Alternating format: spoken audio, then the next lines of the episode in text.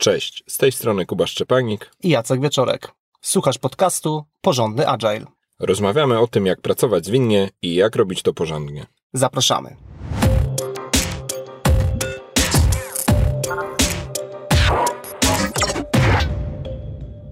W dzisiejszym odcinku porozmawiamy o sytuacji, w której członek zespołu jest dostępny, ale w niepełnym wymiarze czasowym. Czyli jest to sytuacja, w której mamy zespół złożony z osób o różnych kompetencjach, natomiast część zespołu jest dostępna na 100% i realizuje tylko rzeczy związane z konkretną inicjatywą, dla której powołany został zespół, a część osób występuje w niepełnym wymiarze.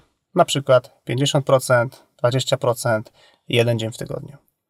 I mamy na myśli takie przykłady jak e, zespoły zwinne pracujące nad jakimś problemem biznesowym, które składają się e, z różnych specjalistów dedykowanych do projektu czy do inicjatywy, ale na przykład wspiera ten projekt i to bardzo konkretnie przedstawiciel zespołu operacji biznesowych, który ma duży wkład, dużo wnosi, dużo pomysłów, e, ma też jakiś element do zrealizowania w projekcie, ale z racji tego, że jest to osoba z jakiegoś zespołu operacyjnego, nie jest e, dedykowana na 100%, jest dostępna tylko w wybrane godziny lub w wybranym okienku czasowym. Przykład takiej, takiej sytuacji, wyobraźmy sobie e, zespół, który pracuje nad e, produktem, mamy tam reprezentantów produktu, mamy tam reprezentantów działu marketingu, czy osoby o kompetencjach marketingowych, mamy osoby o kompetencjach sprzedażowych, które sprzedają ten produkt i te osoby są zaangażowane w rozwój produktu na 100%, ale przychodzi moment, kiedy potrzebują na przykład kompetencji badacza, który pomoże im zrozumieć użytkowników, e, którzy korzystają z produktu, przeprowadzić jakieś ankiety, jakieś badania. No i ta kompetencja nie jest dostępna w tym zespole na 100%. Ta osoba tego badacza wspiera zespół, no ale nie można powiedzieć, że w pełnym wymiarze czasowym. I bardzo świadomie te dwa pierwsze przykłady użyliśmy e, z realiów zespołów zwinnych e, z środowiska nie IT, ale taki przykład trzeci, który dobrze oddaje ten przykład e, tematu naszego odcinka, to wsparcie grafika zarówno zespoły IT, jak i zespoły nie IT od czasu do czasu potrzebują wsparcia grafika, ale przynajmniej niektóre, niektóre produkty, niektóre projekty, niektóre zespoły mogą tego grafika potrzebować tylko w niepełnym wymiarze czasowym.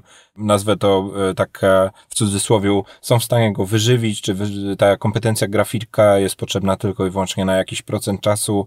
No i ten grafik współpracuje z tym zespołem na niepełnym wymiarze czasowym. Być może współpracuje z kilkoma zespołami w tak mhm. niepełnym wymiarze czasowym. I dlaczego y, o tym w ogóle odcinek? Bo z czymś, z czym się w praktyce spotykamy, to to, że ta sytuacja ma swoje plusy, o nich jeszcze trochę powiemy, ale przede wszystkim najczęściej w zespołach one kojarzą się z no, niekorzystnymi zjawiskami. Tak, przede wszystkim z perspektywy członków zespołu, posiadanie takiej osoby, która jest w zespole w niepełnym wymiarze, tworzy dla zespołu zależność zewnętrzną, e, no, którą trzeba w jakiś tam sposób zarządzić. I takim najczęściej powtarzanym problemem, z którym się spotykam e, pracując z organizacjami, jest to, że taka osoba zewnętrzna że ona w jakiś tam sposób, e, mówiąc potocznie, rozwala plany. Czyli zespół chciałby móc mieć planowanie pod swoją kontrolą i wpływ na to, kiedy pewne rzeczy się zadzieją, no i na te rzeczy, y, na kompetencje, które są w ich ramach, mają wpływ, natomiast kompetencje, które są e, dochodzące, kompetencje, które są dostępne w niepełnym wymiarze czasowym, no te osoby już mogą powodować pewnego rodzaju problemy. Na zasadzie umówiliśmy się, że do pewnego, do konkretnego dnia dostarczą jakieś półprodukty, jakieś rzeczy, no i te rzeczy są niedostarczane. I podobny temat y, problematyczny do tego, co Jacek powiedziałeś przed chwilą, to też takie niepełne zaangażowanie. Mamy kogoś, kto jest e, bardzo w środku projektu, bardzo mocno wewnątrz zespołu, w pełni oddany i fizycznie dosłownie widać, że mamy też kogoś, kto albo e, jest trochę dalej od nas, e, jest rzadziej z nami. To wszystko powoduje, że nie mamy z tą osobą takiej relacji i nie możemy na sobie polegać nie tylko z perspektywy planów, ale też nie możemy na sobie polegać z perspektywy e, no takiej, takiej współpracy z tą osobą jest po prostu słabszy kontakt. Zaczynają się nam rodzić różne pytania, czy różne wątpliwości, czy podejrzenia, czy wszyscy jesteśmy tak samo mocno zaangażowani, czy tak symbolicznie mówiąc, czy tak samo mocno pedałujemy, albo tak samo mocno wiosłujemy mhm. w tej łodzi, którą płyniemy, bo jest ktoś, kogo widzimy rzadziej i się może wiezie, może wręcz pedałuje, czy w przeciwną stronę, czy w, w tej metaforze wręcz hamuje, czy wiosłuje nie w tym rytmie, co my. Innym problemem posiadania osoby w niepełnym wymiarze jest e, taka nie do końca spójność, e, czy nie do końca branie udziału w procesie tworzenia duchu, ducha zespołu. E, wiadomo, że każdy zespół tworzy wokół siebie specyficzny mikroklimat, pewnego rodzaju żargon się pojawia, jakieś lokalne żarty, tworzą się historie, mikronarracje w oku um, życia zespołu. No i osoba, która jest z zewnątrz, ona po prostu może nie pasować tak dobrze, czy wpasowywać się w tą narrację. I to bardzo często można zaobserwować, gdy e, zespół jest w takim swoim, powiem po staropolsku, korowym składzie. E, żartują, śmieją się, e, luźna rozmowa i nagle pojawia się taka osoba z zewnątrz, w niepełnym wymiarze, trochę mniej znana, no i nagle w pomieszczeniu e, zapada cisza, albo żarty, które właśnie się doskonale rozkręcały, nagle wyhamowują, no bo pojawia się osoba, która no nie do końca jest z nami, może być traktowana jako taka e, osoba z zewnątrz. Zwłaszcza to może wyjście, gdy rozmawiamy o jakichś rzeczach trudnych, no to się okazuje, że zespół się zintegrował już trochę mocniej i trochę lepiej ze sobą o tych rzeczach rozmawia, a ten ktoś tak trochę mniej z nami, no to albo trudniej dać mu informację zwrotną, mhm. albo trudniej pewne rzeczy otwarcie przegadać, bo ta osoba nie przeżyła tego wszystkiego, co my na pierwszych kilku próbach przeżyliśmy. No i ten duch zespołowości albo się w ogóle nie zawiązuje, albo mamy takie jakby pół zespołu mocno, a jakaś część zespołu tak mhm. słabiej zintegrowana, czy słabiej ze sobą związana. Podobny temat do zespołowości, ale już bardziej taki biznesowy, no to problem e, osób niezaangażowanych czasowo e, na 100%, no to może być taki problem, że na przykład ta osoba jest dostępna od czasu do czasu. Załóżmy nawet na prostym przykładzie, pewnie dosyć e, przesadzonym, że ta osoba jest tylko co drugi dzień do, dla nas dostępna, mhm. no to w tym czasie, gdy ta osoba jest niedostępna, w naszym projekcie, w naszym zespole, w naszych działaniach pojawiają się nowe informacje, być może lekkie zmiany decyzji, jakieś nowe kawałki kontekstu, które wpływają na to, co robimy. I często ta osoba, która jest tylko na część czasu, to za każdym razem, gdy z powrotem jest z nami, musi, musimy poświęcić trochę czasu na to, żeby tej osobie wyjaśnić, co tam się ostatnio wydarzyło. Na takiej zasadzie, a myśleliśmy, że będziemy szli na wschód, no ale wczoraj e, mocno to przegadaliśmy i idziemy jednak na północ, a, a ta osoba może czasami cały czas konsekwentnie działać z myślą mm. o mhm. tym, że e, no przecież umawialiśmy się pierwotnie na wschód, no to idziemy na wschód. No i będzie potrzebny czas, który może demotywować część zespołu na zasadzie trzeba wytłumaczyć, no w skrócie, ale jednak jak doszło do tego, że zmieniliśmy kierunek, no i dla wielu osób to może być coś na zasadzie, no kurczę, przecież już o tym wczoraj pół dnia rozmawialiśmy, czemu musimy jeszcze raz e, przez to przechodzić. Zwłaszcza jeśli to jest e, coś o wiele bardziej zniuansowanego niż te kilka takich prostych przykładów, jak teraz używamy, ale jeśli efektem pracy kreatywnej jest szereg drobnych mikrodecyzji, które wytworzyły się wczoraj, no to odtworzenie tego wszystkiego e, może być poczuciem marnowania czasu, powtarzania się, czymś, co marnuje czas nam, którzy to wiemy, i tej osoby, która ma i tak dla nas mało czasu, to jeszcze, jeszcze dodatkowy czas. I to może generować szereg problemów. I ostatnia niedogodność, na którą chcieliśmy zwrócić uwagę, to jest taka sytuacja, kiedy osoba będąca nie na pełny wymiar czasu w naszym zespole dołącza, potrzebna jest jakaś decyzja ze strony tej osoby, jakaś konsultacja. Bardzo często zespoły spotykają się z sytuacją, w której ta osoba wysłuchuje, jaki jest problem, czego od tej osoby zespół oczekuje i zamiast, jakby zamiast dostarczyć odpowiedź, no to zespół słyszy, e, ok, rozumiem, jaki jest problem, ale nie mogę samodzielnie podjąć tej decyzji, muszę wrócić do swojego działu, skonsultować ten temat, e, bo nie chciałbym, nie chciałabym zrobić tego po swojemu. My mamy jakieś tam swoje zasady pracy, tak więc słyszę, co mówicie, wrócę do was za jakiś czas. No i to, to może rodzić frustrację na zasadzie, e, dlaczego to nie może działać tak, jak już to działa u nas w zespole, na zasadzie podejmujemy decyzje i te decyzje od razu mogą wchodzić w życie, dlaczego musimy czekać, aż ty gdzieś tam pójdziesz z kimś, coś skonsultujesz.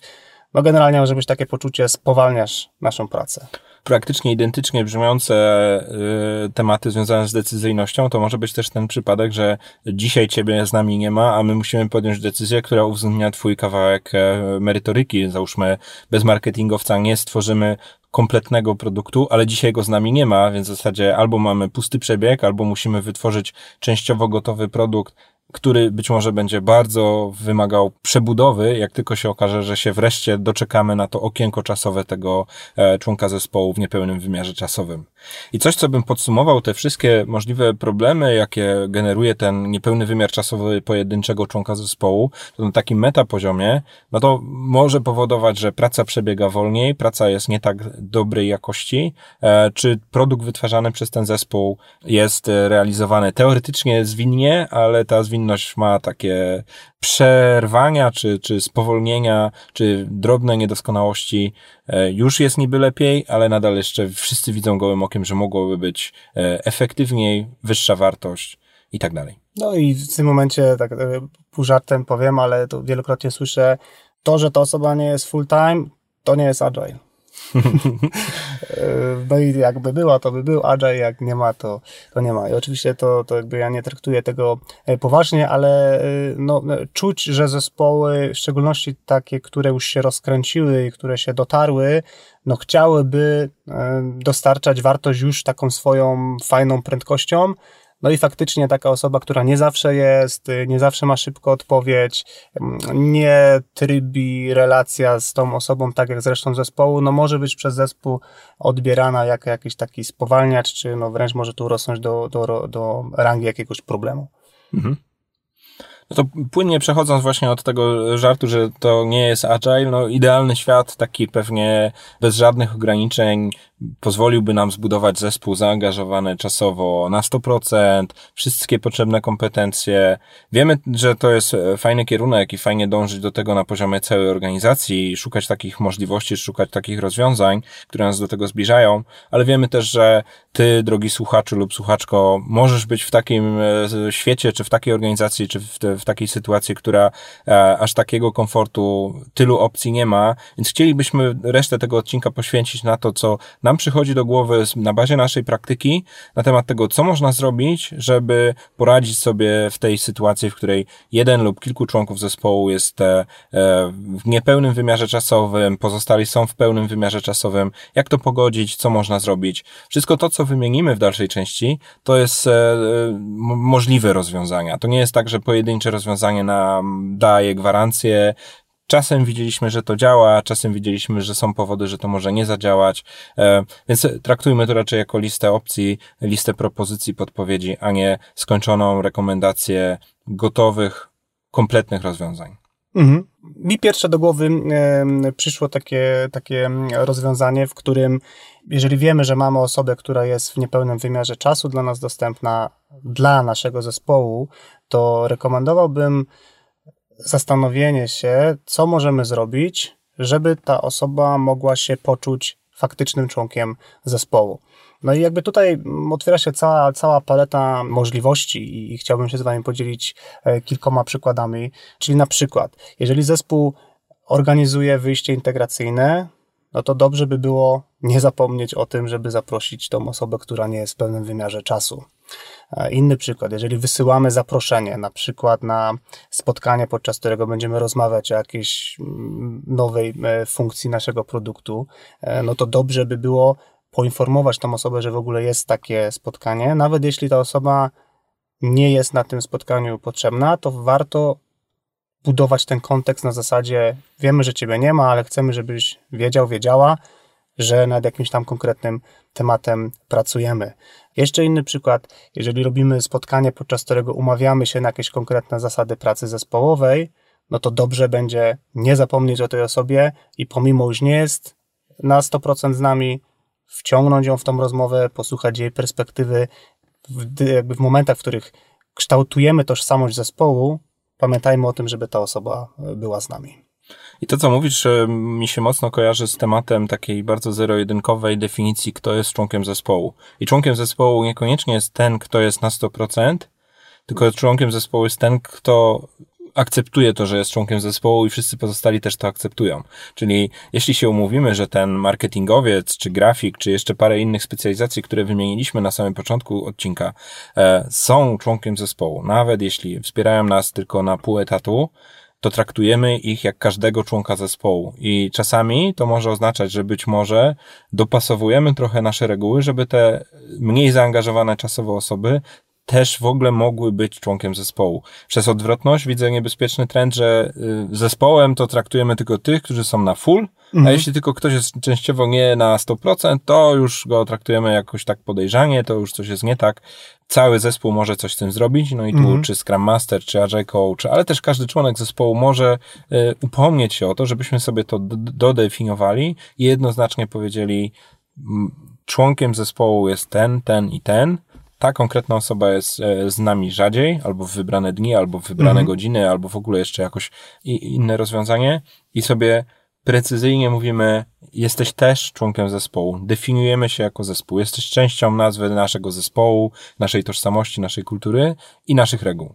No, wielokrotnie obserwowałem sytuację, w której osoba, która nie była dostępna na 100%, wnosiła więcej zaangażowania i pasji do rozwoju produktu niż osoba, tak jak według tej definicji, o której mówiliśmy, pozornie będąca takim prawdziwym członkiem zespołu, tak.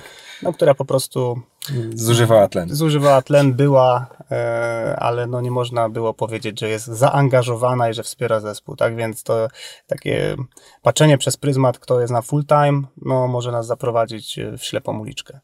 I wymieniłem kilka przykładów, bo to, co mówiłeś o tym poczuciu zespołu, no to użyłeś kilku przykładów takich, e, zapraszamy tą osobę, uwzględniamy ją. Pamiętamy ja, o niej. Ja bym powiedział, jest w aliasie mailowym naszego zespołu, tak. jest dostępna, jeśli korzystamy z narzędzia elektronicznego, to ona ma do niego dostęp. Bo może się często okazać, że takie e, drobnostki teoretyczne bardzo ograniczają nam możliwość, żeby ta osoba się zintegrowała, zaangażowała, że drobne przeoczenia, drobne jakieś takie niedoskonałości pracy organizacyjnej kogoś, kto w zespole mógłby to zrobić, powodują, że ktoś się alienuje, to znaczy ten ktoś się alienuje, system go alienuje, jeszcze nie daj Boże cała reszta członków zespołu go alienuje i mamy gotowy przepis na e, członka zespołu niezaangażowanego, o czym e, dawno temu w którymś odcinku też e, wspominaliśmy. Jaka byłaby Twoja rada, jak radzić sobie z taką sytuacją, gdy nie mamy kogoś na, na pełen wymiar w teamie? Moja rada jest nieoczywista. Bazuje też na przemyśleniach związanych z radami zawartymi w książce Donalda Reinercena, że wcale nie jest problemem to, czy ktoś jest zaangażowany na 100%, czy zaangażowany jest tylko na pewien e, mniejszy procent czasu w trakcie naszej pracy projektowej. Problemem jest to, że na takiej osobie czasami nie możemy polegać. Więc tutaj e, nie rozwiązywałbym problemu dążenia do tego, że musimy tą osobę mieć na 100% czasu, bo tak jak mówiłem, może być tak, że my najzwyczajniej w świecie nie mamy pracy dla tej osoby na 100% czasu i ona się będzie demotywować albo, albo, albo jakoś tak się czuć rozczarowana, że, że coś jest nie tak, że, że siedzę i nic nie robię.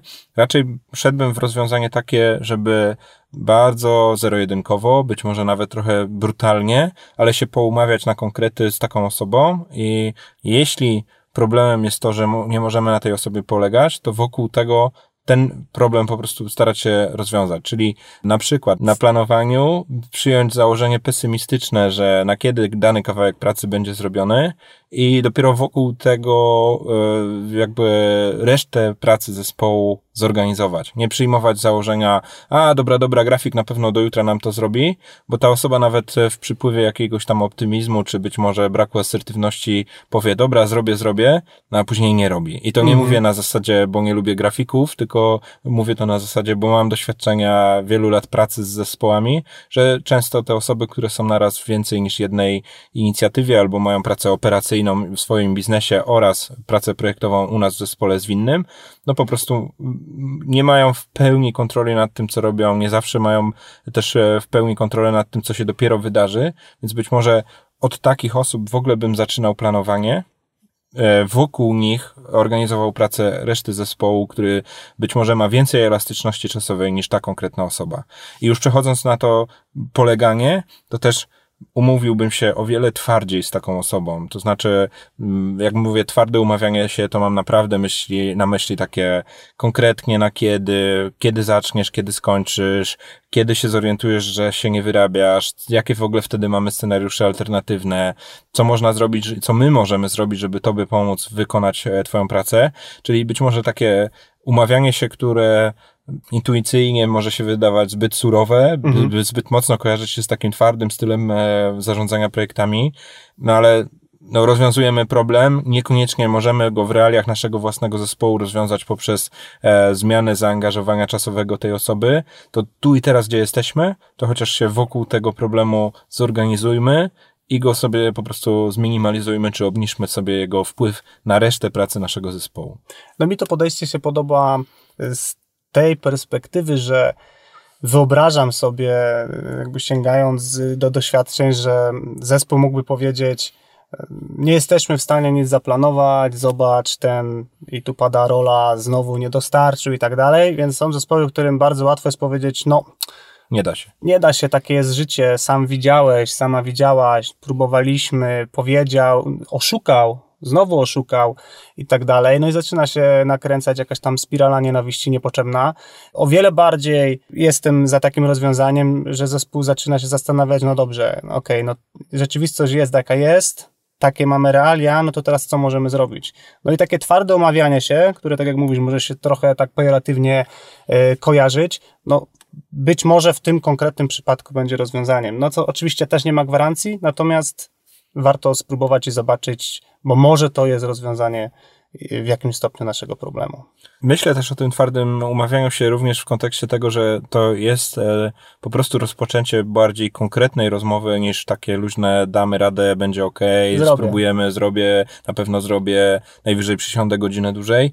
A może się okazać, że cały zespół może po prostu do tego się zabrać, e, zrozumieć to wszystko i, i zaplanować to sobie trochę inaczej, być może rozbić to większe zadanie na jakieś mniejsze elementy.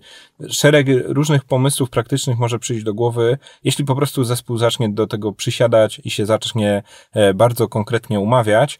To też znowu wiąże się na przykład z naszym poprzednim odcinkiem związanym z planowaniem sprintu, że w niektórych zespołach plan sprintu może być taki bardzo mocno na słowo honoru, bo zespół bardzo intensywnie ze sobą współpracuje przez cały sprint i nie ma żadnego problemu, żeby coś replanować, przebudować, e, przekazać zadania od jednej osoby do drugiej.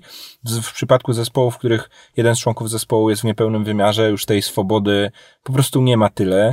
I, i, I to może być jeden z argumentów, żeby to planowanie było takie trochę bardziej surowe, bardziej konkretne, bardziej rozłożone w czasie. To mówisz surowe, ale no, to, co ja często stosuję i też rekomenduję zespołom, właśnie, które mają problem z takim sensownym uchwyceniem na kiedy będzie, no to jest po prostu prosta metoda, kto zrobi co, na kiedy. I to na kiedy tutaj jakby szczególnie zwracam uwagę, na zasadzie jak słyszę w przyszłym tygodniu, no to pytam, w przyszłym tygodniu to znaczy o 8 rano w poniedziałek, czy o 17 w piątek? No, no nie, no w środę, aha, w środę, no tak, w środę to do której godziny, bo to również może mieć e, znaczenie, w szczególności jak na przykład e, zespoły są rozproszone albo y, w jeszcze gorszym przypadku pracują w różnych strefach czasowych, wtedy to już zaczyna mieć e, bardzo duże znaczenie. Kolejną poradą, jak można radzić sobie z e, osobą, która nie jest dostępna na pełen okres czasu, a ma pewne kompetencje, na których nam zależy, jest e, podejście, w którym otwieramy się na to, żeby zrozumieć te kompetencje i ten obszar, w którym ta konkretna osoba nam pomaga. Mam taki przykład e, ze swojego doświadczenia budowaliśmy produkt cyfrowy i częścią pracy mm, nad tym produktem było tworzenie interfejsu użytkownika. Oczywiście chodziło o to, żeby ten interfejs użytkownika e, był użyteczny. I duża część zespołu mm, była zaangażowana na 100%. Tam byli i programiści, i testerzy, właściwie te, te dwie role, i osoby, które zajmowały się mm, frontendem. Tam akurat to był jakiś miks HTML-a i JavaScriptu.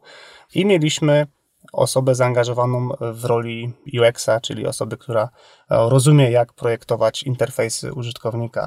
Mm, I początkowo ta osoba była traktowana przez, e, przez nas zespół, w którym byłem Scrum Masterem, jako taka trochę osoba z zewnątrz. E, z czasem zaczęliśmy tą osobę coraz bardziej wciągać jako członka zespołu i moja obserwacja jest taka, że jak porównać stan wiedzy zespołu z dnia, kiedy nie dostaliśmy jeszcze od organizacji wsparcia od tej konkretnej osoby, jeśli chodzi o zrozumienie, czym jest użyteczność. Jak porównać ten dzień z momentem, kiedy zespół już dobre pół roku pracował e, z UX-owcem, no to niesamowitą ilość wiedzy zespół wchłonął tylko dzięki temu, że wchodziliśmy w bliskie interakcje e, z osobą, która miała te kompetencje, czyli to nie było tak, że E, przykładowo programista po pół roku pracy z UX-owcem jest tak samo dobry jak on, ale bardzo dużą ilość takich mikro, małych decyzji członkowie zespołu deweloperskiego byli w stanie podejmować samodzielnie, no bo złapali już te pewne podstawy, e, które nabywali na zasadzie takiej naturalnej informacji zwrotnej lub kiedy rozmawialiśmy o makietach, albo kiedy ta osoba o kompetencjach UX-owych się wypowiadała. Tak więc y, to nie jest tak, że jesteśmy w stanie stać się tymi osobami, e, których kompetencji potrzebujemy w niepełnym wymiarze, ale na pewno, i tutaj jakby bazuję na swoim własnym doświadczeniu, jesteśmy w stanie zdobyć tej wiedzy w jakimś tam stopniu, który pozwala nam na to, że część decyzji, nie wszystkie, ale część decyzji jesteśmy w stanie podjąć samodzielnie. I to już z mojej perspektywy znacznie potrafi przyspieszyć pracę. To, co mówisz, to jest ta, taka próba zmniejszenia uzależnienia poprzez transfer wiedzy. Ja bym też to uogólnił i też na bazie doświadczeń w sumie naszych wspólnych. Wiele z takich zespołów, które wytypowywały swoich członków zespołu na jakiś niepełny wymiar czasowy, e, no, albo mogły działać w, w trybie silosu, czyli na zawsze już będziecie od nas uzależnieni, lub mogły działać w trybie e, jesteśmy pewną kompetencją i staramy się uniezależnić całą resztę zespołów od was. Zwłaszcza taki już hardkorowy świat IT najmocniej to zna pod pojęciem DevOps i, i też byliśmy świadkiem takich sytuacji, że zespół jest w stanie sobie w chmurze wyklikać jakieś konkretne usługi, jakieś konkretne postawić platformy czy, czy, czy rozwiązania i nie potrzebujemy już osobistego zaangażowania czasowego jakiegoś specjalisty od infrastruktury IT, bo ci specjaliści od infrastruktury IT, czy bezpieczeństwa, czy jeszcze paru innych specjalizacji, e, zostawili nam narzędzia do tego, żebyśmy my mogli obsłużyć się sami. I to jest też taki kierunek myślowy, który może przynajmniej w niektórych zespołach, czy może bardziej w całych firmach, być kierunkiem, w którym warto dążyć, czyli uniezależniajmy zespoły od tego, czy w niepełnym wymiarze czasowym są zaangażowani członkowie e, naszej specjalizacji. Idąc dalej do kolejnych możliwych opcji rozwiązań, zupełnie z innego poziomu filozoficznego, bardzo prosta, bardzo trywialna rzecz. Ja bym zachęcał do tego, żeby usiąść razem, wszyscy włącznie z tymi osobami, które są na niepełnym wymiarze czasowym. To znaczy, że może musimy przewidzieć dodatkowe biurko, dodatkowe krzesło dla tych osób i zaprosić ich. Jacek mówiłeś w pierwszej poradzie, żeby się czuli członkiem zespołu. Ja bym powiedział tutaj fizycznie zaprośmy, żeby byli członkiem zespołu. Czyli usiądźmy razem w czasie, gdy pracujesz dla nas, bądź koło nas, bądź razem z nami, bo chociażby taka prosta rzecz, to może prowadzić do takich mikrointerakcji. Pracuję nad rozwiązaniem dla Was, nie wiem dokładnie, co tam było w szczególikach, podnoszę głowę, pytam konkretnego innego członka zespołu i szybko dochodzimy do tego razem, czy być może ramię w ramię przy biurku, czy nawet e, pod jakąś tablicą, czy flipchartem. I błyskawicznie rozwiązujemy problem, bo siedzimy do siebie, siedzimy od siebie dosłownie o metr, a nie odwrotność tej pracy, którą też czasami widzę w organizacjach. E, pracuję dla was, ale w sumie to wy mnie nigdy nie widzicie, nie mamy czasu rozmawiać, musimy się w ogóle umawiać na spotkanie, żeby jako zespół popracować, czy komunikujemy się wyłącznie elektronicznie za pomocą e, jakiegoś narzędzia do zarządzania projektami albo komunikatorów? I w ogóle spłaszczamy tą naszą komunikację tak radykalnie, że się nie dziwię, że ona później albo w ogóle nie następuje, no albo wywołuje jakieś e, nieporozumienia. I to wymaga oczywiście czasami zabiegów logistycznych, e, czasami przełamania pewnych niechęci, bo te osoby, które zapraszamy, żeby z nami usiadły, mogą mieć argumenty, żeby jednak wolały nie siedzieć z nami, ale co najmniej na poziomie eksperymentu, co najmniej na próbę, co najmniej przez chwilę zachęcałbym do tego, żeby do tego doprowadzać. No ja bym jeszcze zwrócił uwagę na taki aspekt, że nie wszystkie firmy mają ten komfort y, pracy w sposób skolokowany, więc może się pojawić sytuacja, w której y, członkowie w niepełnym wymiarze są e, albo w innym mieście, albo w ogóle są w innym kraju. No to taka e, prosta praktyka, którą obserwuję i, i sam też ją rekomenduję, polega na tym, że umawiamy się na to, że może nie musi to być cały dzień, ale przez na przykład jakąś część dnia mamy włączone kamery, czyli mamy uruchomione spotkanie wirtualne, gdzie każda osoba ma włączoną kamerę, więc widzimy także tą osobę, która pracuje zdalnie z innego kraju, z innego miasta. No i przez to, że mamy włączoną kamerę i przez to, że mamy włączony dźwięk, no to jesteśmy w stanie wchodzić w jakieś interakcje, ktoś tam głośno o czymś pomyśli, e, ktoś mu dopowie, wtedy mogą nawet przejść tam na jakiś prywatny kanał, ale chodzi o to, żeby jak już pracujemy zdalnie, co i tak już jest pewną barierą, no to żeby jakby nie pogłębiać jeszcze tego problemu, raczej zastanawiać się, jak przy użyciu technologii możemy zasymulować to, co powiedziałeś, żebyśmy fizycznie poczuli się jako zespół. W tym przypadku włączona kamera i włączony głos, e, no to jest najlepsze, z czym się dotychczas spotkałem. Idąc dalej, Jesteśmy w podcaście y, Porządny Agile, więc y, y, zakładamy z Kubą, że takie pojęcie jak retrospektywa jest przez Was stosowane. No i taki bardzo, bardzo konkretny przykład na to, jak spowodować, żeby taki członek w niepełnym wymiarze zespołu mógł się poczuć jak, jak, jak, jak ktoś, kto jest równy z resztą teamu, no to jest pamiętanie o tym, żeby kiedy rozmawiamy o usprawnieniach zespołu, żeby tej osoby nie pominąć. I to jest istotne na, na co najmniej dwóch wymiarach, bo pierwszy wymiar jest taki, że no skoro to jest członek zespołu, nieważne czy na 60, 70 czy 20%, no to zaprośmy go do dyskusji na temat usprawnienia tego, jak pracujemy ogólnie. To jest jakby uważam taki ważny symbol, ważna decyzja. Jesteśmy tutaj wszyscy razem w tym takim ważnym dla zespołu miejscu.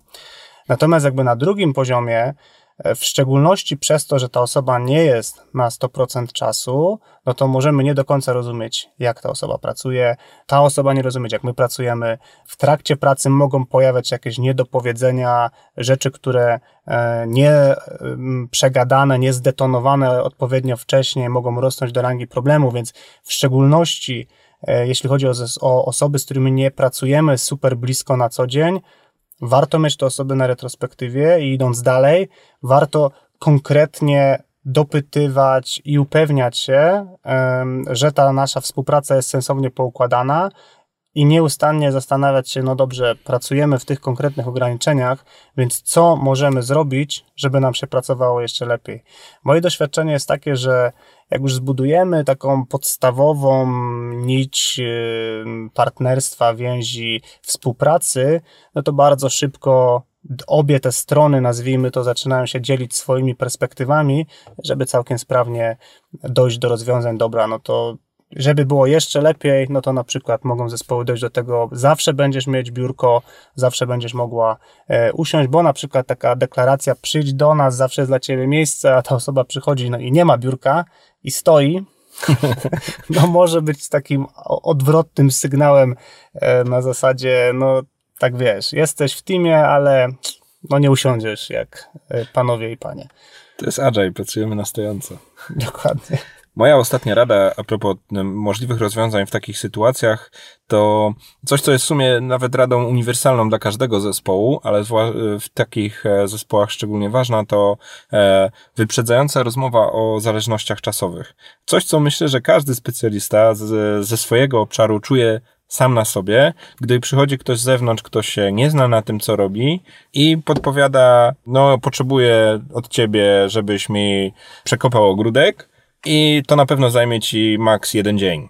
No bo ile można? No przecież to jest tylko przekopać ogródek. I e, w, szczególnie byłbym czuły na tą sytuację w przypadku zespołów, które częściowo pracują na full, a częściowo nie na full, że te osoby, które pracują nie na full, naprawdę podpytajmy o to, ile im pewna praca zajmie, czego potrzebują, co, co muszą e, dostarczyć e, jako półprodukt, kiedy można się spodziewać całości. Nie wpadajmy tutaj w pułapkę założeń ze swojej perspektywy, że nam się wydaje, że to jest tylko marketing, przecież to jest tylko parę machnięć w pęcie i dwa slajdy w PowerPoincie, bo może się okazać, że zupełnie nie doceniamy ogromu kompetencji, skali, w ogóle problemu, który ta osoba rozwiązuje w ramach swojej specjalizacji.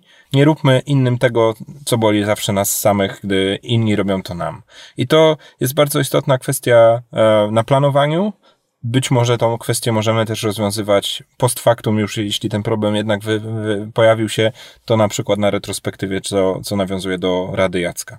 Podsumowując dzisiejszy odcinek, hmm, chcielibyśmy przypomnieć co rekomendujemy z Kubą w sytuacji, kiedy mamy członka zespołu w niepełnym wymiarze e, czasowym i chcielibyśmy, żeby ta współpraca układała się jak najlepiej. E, przede wszystkim zrób wszystko, żeby ta konkretna osoba e, poczuła się jak faktyczny członek zespołu, a nie jak osoba, która tylko jest jakimś tam dodatkiem, czy pojawia się raz po raz, ale nie należy do grupy. Druga rekomendacja jest taka, żeby w sytuacji, kiedy pojawiają się problemy mm, z dostarczaniem rzeczy tworzonych przez te osoby, żeby umawiać się e, bardziej konkretnie. E, użyliśmy to określenia na twardo, tak żeby powstał pewnego rodzaju kontrakt, na kiedy tych rzeczy, na które jako ten korowy zespół nie mamy wpływu, e, na kiedy możemy się ich spodziewać. Kolejna rzecz, możemy próbować zmniejszyć uzależnienie poprzez transfer wiedzy, czyli próbować zdobyć wiedzę, która jest w mm, e, posiadaniu osoby w niepełnym wymiarze czasowym, no i wraz z upływem czasu stopniowo z tej wiedzy korzystać. Rekomendujemy, żeby siąść razem, tak, e, jeżeli to jest możliwe, to fizycznie, żeby było e, biurko dla tej osoby, żeby można było wchodzić w interakcję na zasadzie odwrócenia się na krześle, jeżeli z kolei pracujecie zdalnie, warto zastanowić się nad włączeniem kamery, włączeniem dźwięku i zasymulowaniem tego, e, że pracujemy razem.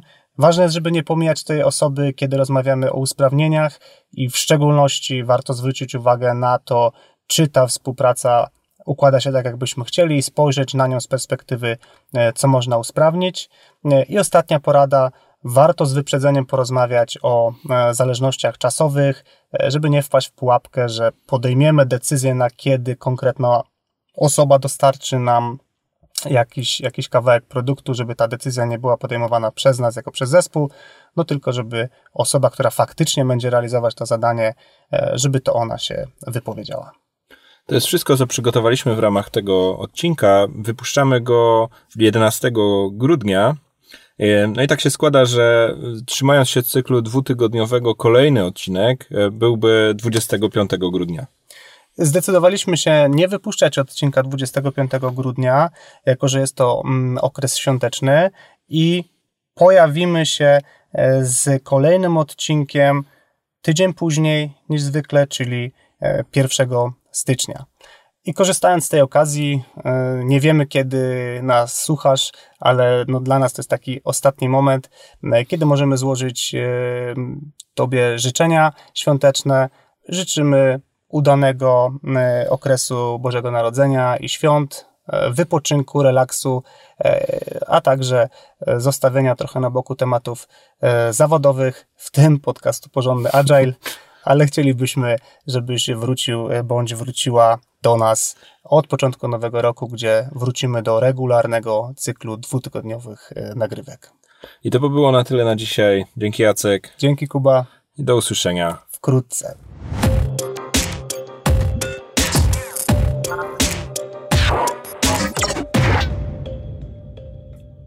Dziękujemy, że jesteś z nami, słuchając tego odcinka do końca. Nagrywanie podcastu to dla nas coś zupełnie nowego, dlatego zależy nam, żeby usłyszeć, co o nim myślisz. Zostaw swój komentarz na iTunes lub napisz do nas na adres kontakt małpa porządnyagile.pl. Jeśli podcast daje Ci wartość, podziel się nim ze swoimi znajomymi.